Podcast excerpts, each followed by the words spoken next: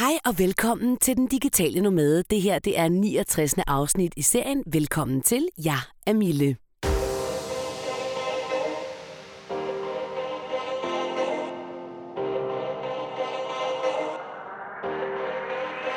Den Digitale Nomade er en podcast, der handler om at kunne tage sit arbejde med ud i verden, at leve og arbejde remote, muligvis blive freelancer, selvstændig, eventuelt flytte til udlandet, emigrere eller noget helt tredje.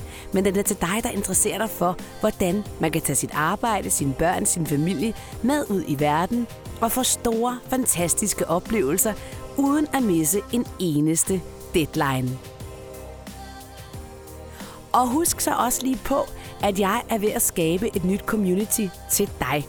Og jeg håber så meget, at du vil være med, for det her community er jo til alle os, der ikke vil arbejde fra 9 til 17. Det er til alle os, som ser mulighederne i den digitale verden, og det er til alle os, der vil gøre noget andet. Så jeg glæder mig til, at det bliver en realitet. Og husk at melde dig til mit nyhedsbrev. Øh, det gør du inde på Digital Nomad Living DK under tilmeld nyheder.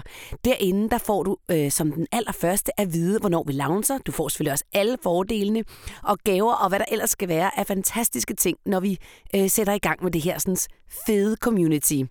Der kommer til at være alt det, du står og har brug for i en remote livsstil. Og i dag, der er jeg faktisk lige landet fra Spanien. Jeg er landet fra Javier, hvor jeg jo har boet i fem år, og øh, vi har haft helt igennem fantastisk vejr. Jeg er lidt træt, jeg har været tidligt oppe, men jeg havde sådan lyst til at lave en podcast, da jeg kom hjem i dag. Javier og Spanien er fuldstændig magisk og fantastisk stadigvæk. Jeg landede landede regnvejr i dag. Det var lidt kedeligt, det var vådt, det var gråt, det var alt muligt, som det nu er i dansk vejr i oktober. Fra øh, Javier og Valencia, hvor vi også var, øh, 31 grader her midt i oktober, hvor vi både har været ude at hike rundt om et fantastisk bjerg, ind igennem et bjerg, der hedder Bania. Vi har været i Valencia og drikke kava og gå rundt i parken og se det mest fantastiske arkitektur. Hvis du ikke har været i Valencia endnu, så skylder du dig selv den tjeneste at tage dig til. Det er den mest undervurderede spanske by overhovedet. Den er så fed. Der er så meget kunst og kultur og, øh, og art og, øh, og tapas og cava og alt er bare fantastisk. Og paella selvfølgelig, det er der paellaen stammer fra, ved Valencia. Jeg skal nok skrive en øh, lidt længere øh, guide til Valencia, når jeg når dertil til min nye community. Men det, som jeg lægger mest mærke til, når det er, jeg er hjemme i Spanien, det er for det er jo mit hjem, og det er mine børns barndomshjem. Det er, at livet altså leves på en anden måde. Livet leves ude på gaden. Man er meget mere ude. Man er tranquillo. Man har armene og skuldrene nede. Man har en åben attitude. Og så er alting bare så meget billigere. Og det lægger, lagde jeg ikke så meget mærke til, da jeg boede der, fordi jeg på en eller anden måde vendede mig til prisniveauet. Men når jeg nu har boet i Danmark i et år og vendet mig til det her prisniveau, hvis man nogensinde gør det, så, øhm, så var det ret overraskende. Gud, ej, kan man virkelig få tre flasker vin? Jeg vil lige sige, det var ikke kun til os. Vi havde inviteret nogle venner ud at spise. Og en masse mad, og vi var, I don't know, hvor mange, 12 mennesker og det blev 1.500 kroner. Jamen altså, det er jo fuldstændig vanvittigt. Og det er noget, der jeg virkelig lægger mærke til, det er den der, med, at det er ekstremt billigt at leve. Man er ude på gaden hele tiden, og så er der sporten, som jeg er fuldstændig vild med. Det der med, at man kan vandre i bjergene, man kan løbe i bjergene, man kan paddlesurfe, og det ved jeg godt bevares. Det kan man også i Danmark. Man kan tage en dejlig, tyk neoprendragt på, og så tage ud og blive rusket rundt i en bølge. Det kan man godt, også om vinteren. For mig er der bare også det æstetiske i, når jeg står på paddleboard i smukt solskin med Mongo i baggrunden, øh, som er vores lokale bjerg, den smukkeste kyst, øh, det smukkeste øh, natur og klima. Det giver mig altså noget. Og så er der også bare det der med at høre det spanske sprog. Og mine børn, der kommer og siger, ej, jeg elsker bare det spanske sprog, mor. Det er så fantastisk. Og selvfølgelig er det det for dem. Fordi det er det, de voksede op med. De var tre. Kun lige blevet tre. Faktisk var min datter stadig to, da vi tog ned. Øh, og fem, da vi tog afsted. Og hvis du har små børn, og du drømmer om at tage ud i verden, ud og bo et sted, så kan jeg kun sige til dig, kom afsted, kom afsted, kom afsted. Det er den bedste investering, jeg har gjort i mit liv overhovedet. Og øh, for nylig var der jo faktisk øh, en, øh, et par forskere, der var ude at sige, at det børn allerhelst vil, det er at være sammen med deres forældre og bevares. Jeg ved godt, teenager har det på en lidt anden måde. Og, øh, og derfor har jeg faktisk også sat øh, en teenager op øh, her snart, som jeg skal lave en podcast med, så I kan høre, hvordan det var for ham at rejse i to år.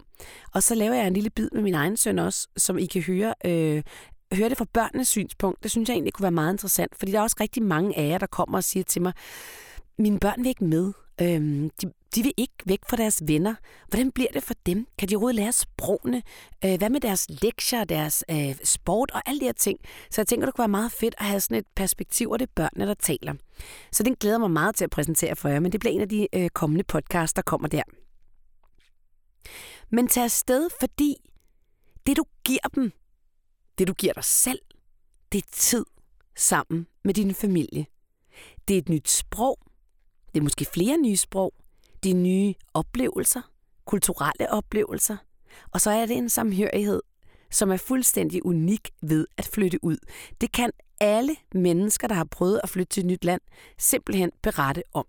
Og specielt det der med ens børn. Jeg har flyttet til udlandet øh, før. Jeg har boet i Paris blandt andet. Jeg har også rejst jorden rundt, da jeg var ung, da jeg var alene, da jeg ikke havde nogen børn, jeg var ikke gift.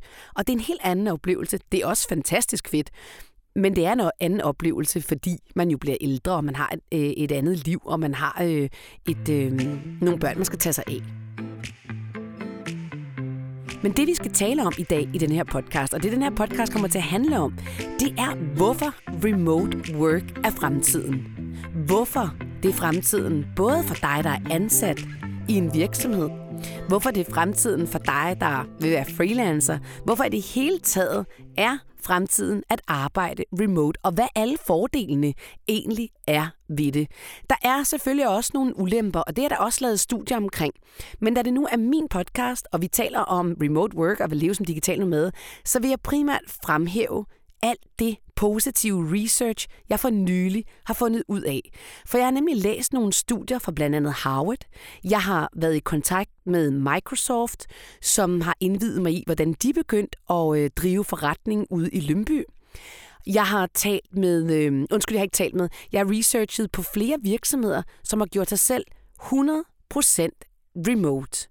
Og det er en mega spændende tendens. Vi taler om det, som om det er fremtiden, men det er det overhovedet ikke. Det er nutiden. Det, der bare ikke er fulgt med, det er vores mindset. For den teknologiske udvikling, den er der. Den er bare, det er bare at gå i gang.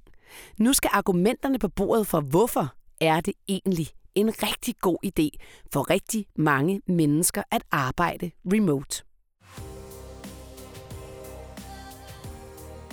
Og jeg vil lige have lov at disclaime, at arbejde remote er jo selvfølgelig ikke for alle. Det er ikke for sygeplejersken. Det er ikke for lægen. Måske lidt for lægen, kan man sige en gang imellem. Øhm, det er ikke for øh, den sociale sundhedshjælper. Det er jo ikke for de jobs, som, hvor at det er nødvendigt, at der sidder nogen over for øh, blandt andet en patient. Øhm, vi kan heller ikke sige, at lægen skal arbejde remote måske når der skal være en hjerteoperation, og så og dog. Ikke?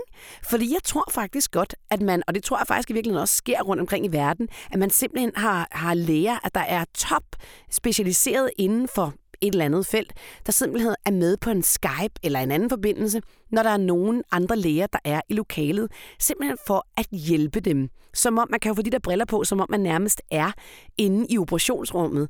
Og det, øh, det tror jeg også bliver fremtiden, fordi så kan vi også samle alle specialisterne. Man behøver ikke at flytte rundt på den måde, man behøver måske ikke engang at flyve så meget, hvilket jo være virkelig godt for vores miljø, og så videre. Så fremtiden kommer til at være sådan her.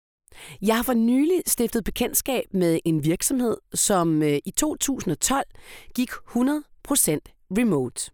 Virksomheden lå i London, og den lå i New York. Og øh, den her virksomhed, den hedder Digital Marketplace Group. De hjælper store virksomheder med deres intranet og deres digitale workplace. Og det her firma gik i 2012 100% remote selv. Det, der er interessant ved det, det er, at de er 100 mennesker ansat, og de har ikke noget kontor. Hvordan kommer det så til at fungere? Faktisk var stifterne af det her firma ret overrasket over det resultat, som der kom ud af at arbejde på denne her sådan, måde, som de nu har gjort siden 2000, sagde jeg to, jeg mener 2012, siden 2012. Øh, det er jo så syv år siden, snart otte år siden. Det var præcis samme tidspunkt, hvor jeg flyttede til Spanien, og jeg gjorde mig selv remote.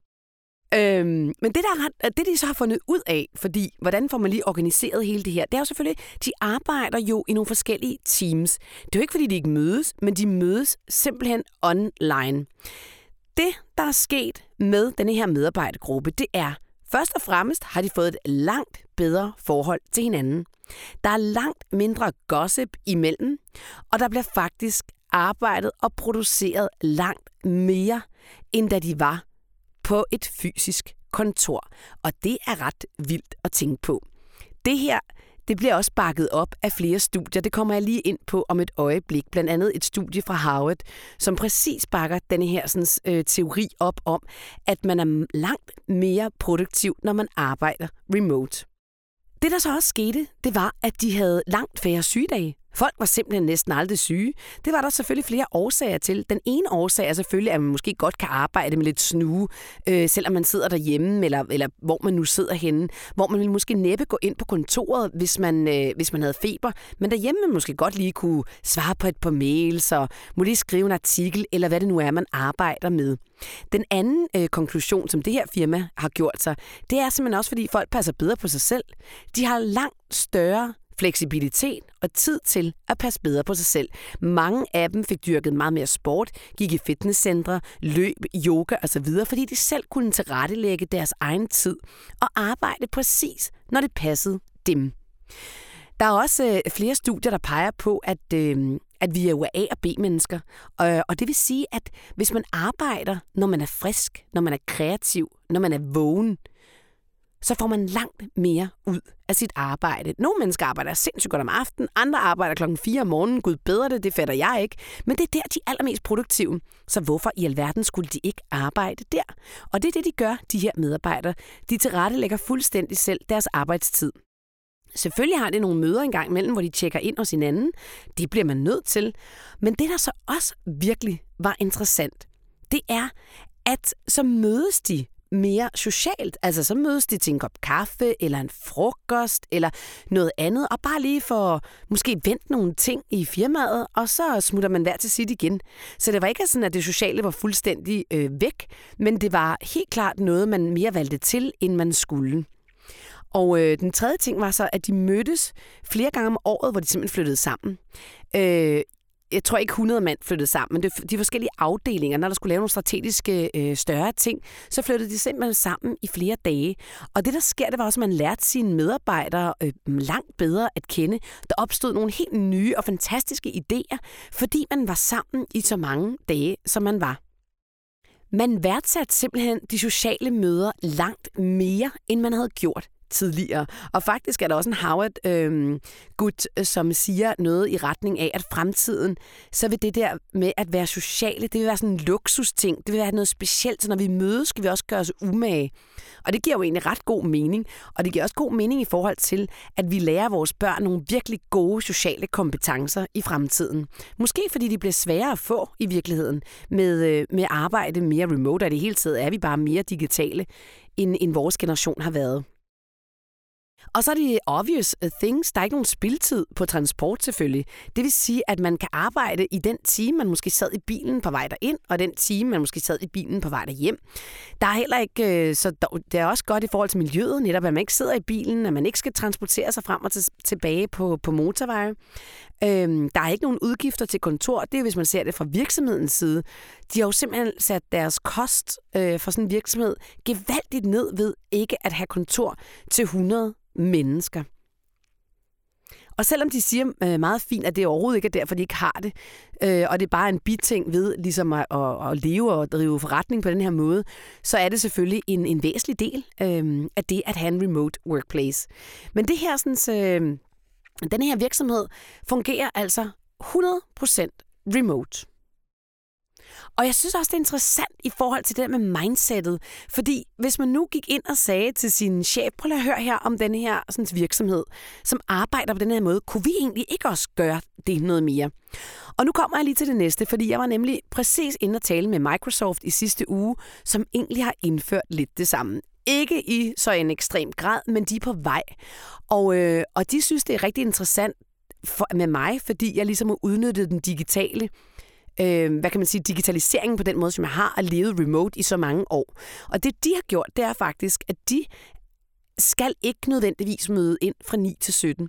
De tjekker ikke, om folk kommer på arbejde. Der er ikke noget med, at man ved, om folk er på kontoret eller ikke på kontoret, fordi der, hvor de mødes, det er nemlig i Teams online. Hvis du ikke kender Teams endnu, så er det et, øh, en app, tror jeg godt, vi kan kalde det, som Microsoft har udviklet. Ikke kun til øh, Microsoft-brugere, men alle kan bruge det. Og øh, derigennem kan du både skype, og du kan øh, lægge filer ind, dokumenter ind, og øh, du kan gemme, og du kan videofilme, og det kan du også gemme i øvrigt. Det lyder som om, jeg, jeg, jeg får penge for at sige det, det gør jeg virkelig ikke. Men jeg synes bare, det var meget interessant det der med, at de mødes faktisk primært også i Teams, og så har de et møde om fredagen, hvor at man mødes, mødes fysisk, hvis man selvfølgelig ellers er på sin arbejdsplads i Lyngby. Så flere og flere store virksomheder er jo begyndt at ændre deres mindset, fordi om nogen ved de jo godt, at teknologien er der. Men det kræver virkelig noget at forvente den der bøtte, og det handler jo om tillid. Det er vidderligt det, det handler om. Det handler om, at du har tillid til dine medarbejdere. Og det tror jeg er en proces, men det handler også om, du har tillid til dig selv. Hvis vi nu siger, at øh, du arbejder for et firma, eller for dig selv for den sags skyld, har du så tillid til, at du vil være lige så produktiv eller mere produktiv, når du ikke mød længere møder ind, men du faktisk selv skal styre din egen tid. Det må man gøre op med sig selv. Ligegyldigt hvad, så tror jeg på, at der vil være nogen, der måske ikke kan klare den udfordring. Men omvendt er det måske også dem, der sidder og spiller, øh, spiller jeg ved ikke, hvad det hedder, Word Feud inde på, inde på arbejdspladsen. Så jeg tror, at den 5%, der måske ikke kan finde ud af det, de er der alligevel.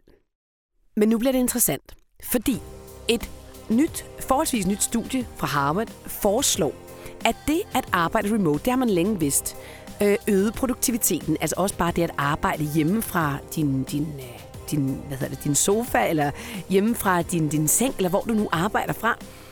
Det, det øger produktiviteten. Øh, det gør folk mere glade, og det, det er jo klart, fordi at man på en eller anden måde selv kan styre sin egen dag. Måske kan dagen starte med, at man går til yoga, så arbejder man lidt, så går man ud og spiser frokost med en veninde, så arbejder man lidt igen, så man både får arbejdet, men også får brugt tid på de ting, der ellers betyder noget for en i livet. Men det her sådan studie fra Harvard, det viser nu, at det at arbejde remote fra hvor i verden du har lyst til. Det vil sige, at hvis nu jeg sad og tænkte, at jeg var ansat hos Microsoft, og jeg kom ind og sagde til dem, prøv at høre, jeg vil faktisk gerne arbejde for Bali. Det tror jeg vil gøre mig godt. Jeg har jo noget familie på Bali. Jeg vil stå virkelig dejligt, hvis jeg kunne få lov til at være tæt på dem. Det vil gøre mig lykkelig. Jeg kunne, kunne surfe året rundt, som en af mine store interesser i livet. Øhm, så det kunne jeg godt tænke mig.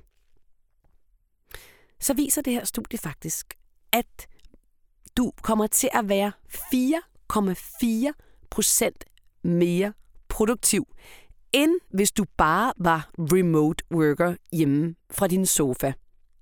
Og det er interessant, men det er egentlig også bare helt soleklart.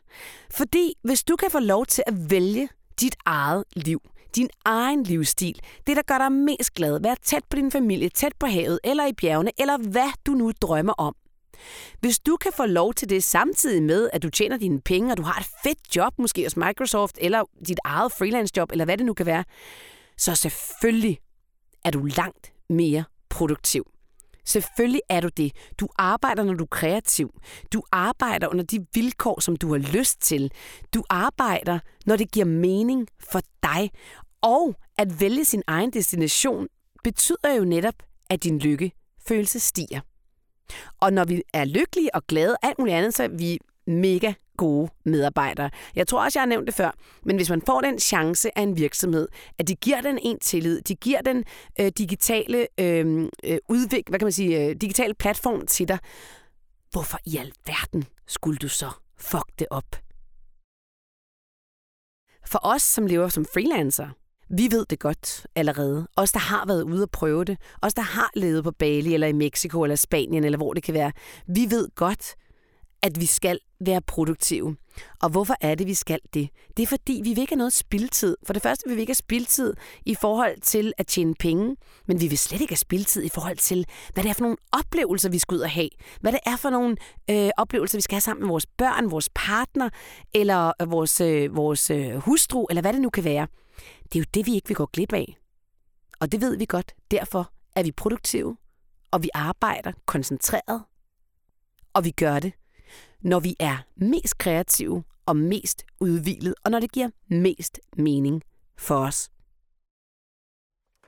Så selvom mange siger, jeg skal også ud og holde et foredrag her om fremtidens arbejdsplads, at det er fremtidens arbejdsplads, så må jeg bare sige, det er faktisk langt mere nutiden. Men vi kan tale om, at det i hvert fald er et mindset, som er ved at blive ændret, sådan så det bliver en større del af fremtiden. Der kommer jo også langt flere freelancer, det har jeg talt om før, og det gør der, fordi at der opstår flere jobs som freelancer. Og det er klart, at der gør det. Fordi jo mere virksomhederne også bliver øh, agile og øh, flydende og remote, jo mere får de brug for konsulentarbejde, jo mere får de brug for projektarbejde, jo mere får de brug for ekspertise i en periode, fordi at tingene er langt mere modelleret, end de tidligere har været. Så remote work, venner, det er her lige nu. Det er simpelthen så meget i gang i verdenen. Og jeg tror på, helt oprigtigt, at det vil bringe verdenen på et højere niveau. Og hvorfor siger jeg så det? Det siger jeg faktisk, fordi jeg tror på, at hvis man får lov til at leve sit drømmeliv, designe sit eget liv, gøre det, man brænder allermest for på det sted, man nu engang gerne vil arbejde fra eller være fra, så bliver man sådan et bedre menneske. Og hvis alle bliver bedre mennesker, så bliver verden jo et bedre sted at være. Det kan lyde logisk, men det tror jeg vidderligt på. Arbejde er ikke et sted. Arbejde er ikke et fysisk sted. Arbejde er noget, vi gør med hinanden. Arbejde er en aktivitet. Nu kommer der et spørgsmål til dig, som jeg gerne vil have, du tænker på. Tænk, hvis du selv kunne tilrettelægge din arbejdsdag, så den passede perfekt til dig. Hvordan så den så ud? Det kan også være en arbejdsuge, arbejdsmåned.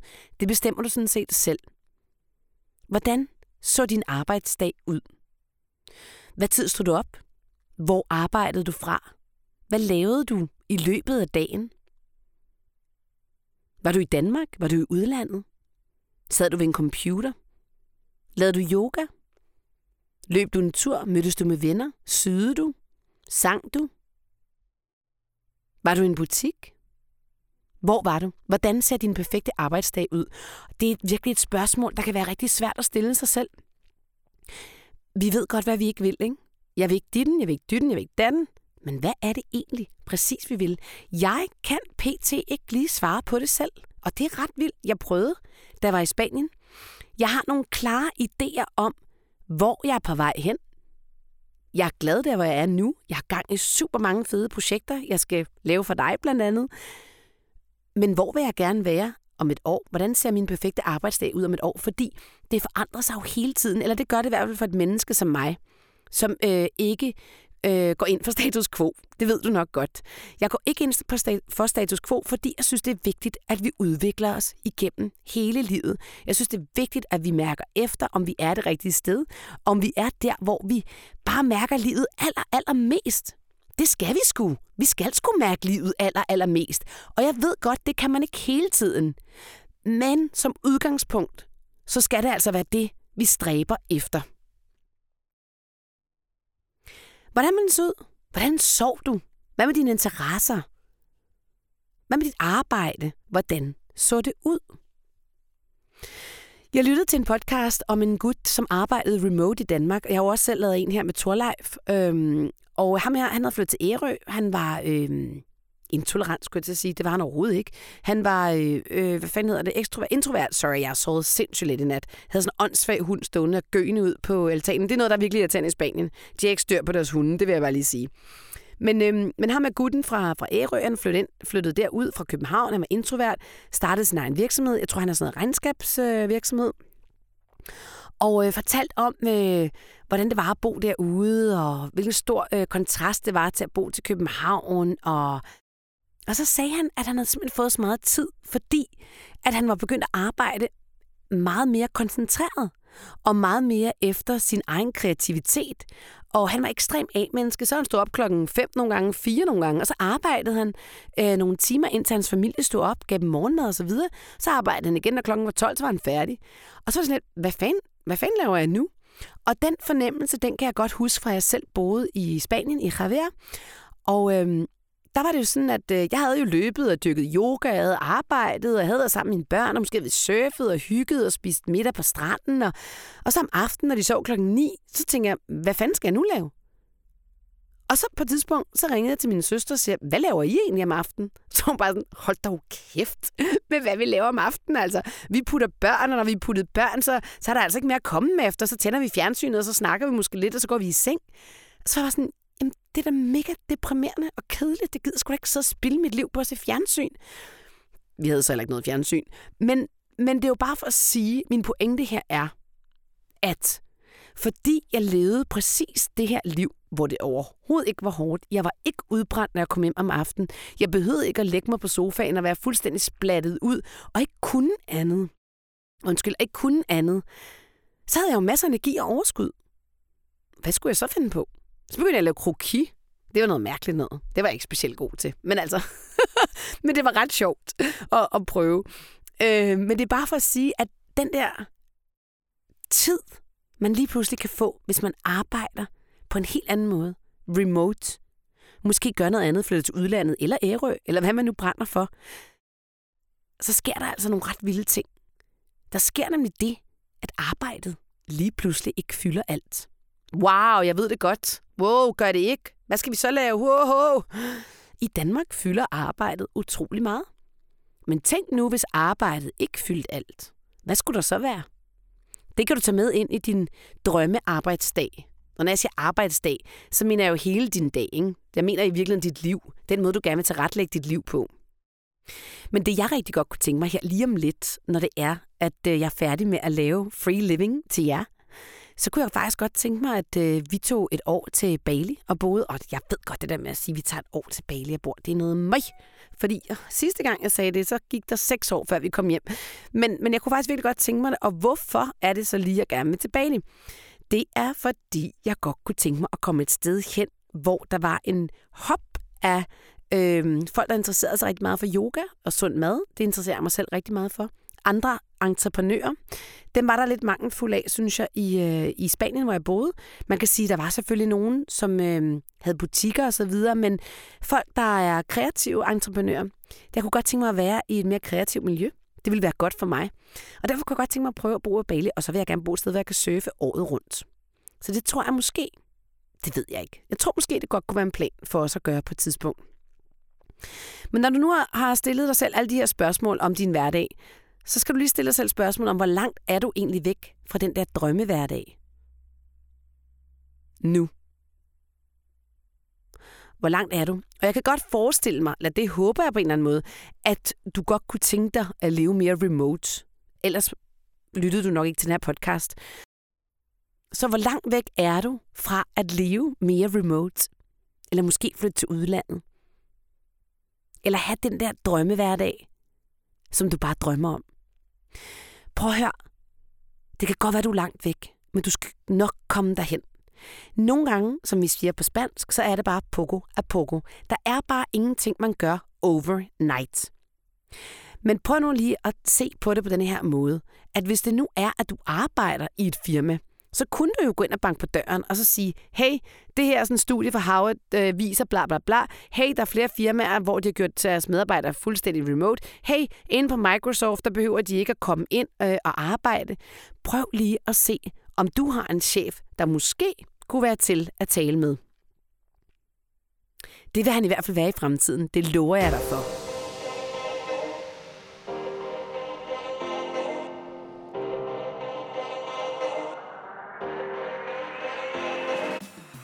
Hvis du godt kan lide den her podcast, så del den med dine venner i dit netværk, så vi kan få den ud til alle de mennesker, der har brug for at leve mere frit. Og så vil vi sætte rigtig stor pris på, hvis du har lyst til at spytte en 10, 20 eller 30 kroner i kassen måske på millespeak10.dk. Det gør mit arbejde meget nemmere. Tusind tak for det. Tak fordi du er her. Det er alle fordelene ved at arbejde remote på denne her måde. Jeg må sige, at nu har vi lige været afsted, og øh, jeg arbejdede lidt fra Spanien af, og det er en fantastisk måde at være både sammen med sin mand og sine børn på, og have et arbejdsliv på. Jeg kan ikke beskrive, hvilken taknemmelighed jeg har over at have valgt den her sådan, livsstil. Jeg synes også, det der sker, og det er også det med mindsetet, snakkede jeg også om for nylig med Christina øh, Roviera. Der sker bare det, når man er ude i verdenen og ude i de her kulturer og ude og opleve en masse forskellige ting, at dit mindset, det ændrer dig. Det, undskyld, ændrer, ja, det ændrer dig, det gør det, men det ændrer sig også. Sådan, så tingene på en eller anden måde bliver lettere. Jeg synes lidt, at når vi er i Danmark, og det kan jeg selv mærke på mig selv, så er mit mindset en lille smule tungere. Det er skruet lidt længere ned. Det er lidt sværere at forestille sig, at det egentlig kan lade sig gøre.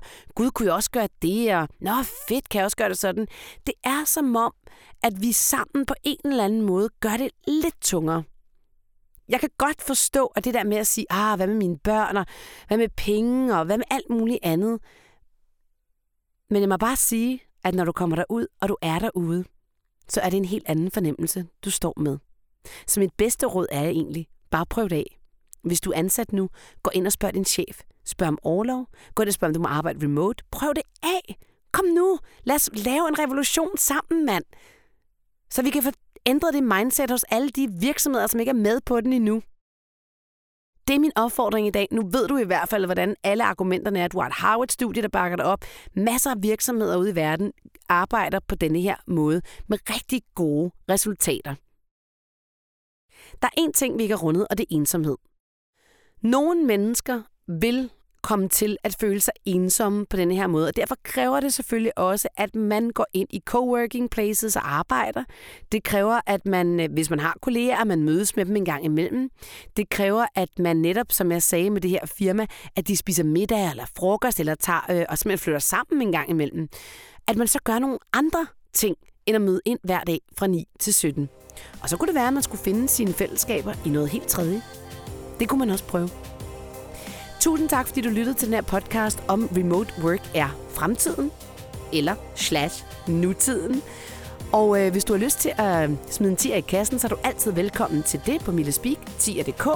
Det gør mit arbejde meget, meget nemmere. Og så skal du også vide, at jeg kommer til Aarhus og holder foredrag sammen med Christian. Tag hverdagen med jorden rundt den 31. oktober. Der er stadig billetter. Du kan finde dem inde på billetto.dk eller inde på Digital Norman Living DK. Og sidst, men ikke mindst, husk nu at hoppe ind på det nyhedsbrev. Derinde der får du også masser af remote tips.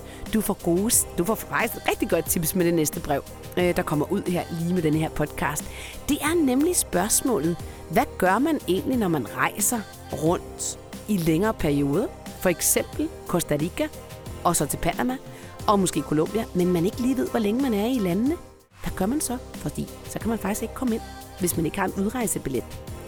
Det giver jeg dig et sindssygt godt tip til i mit næste nyhedsbrev. Kan du have en rigtig dejlig dag. Vi ses. Hej.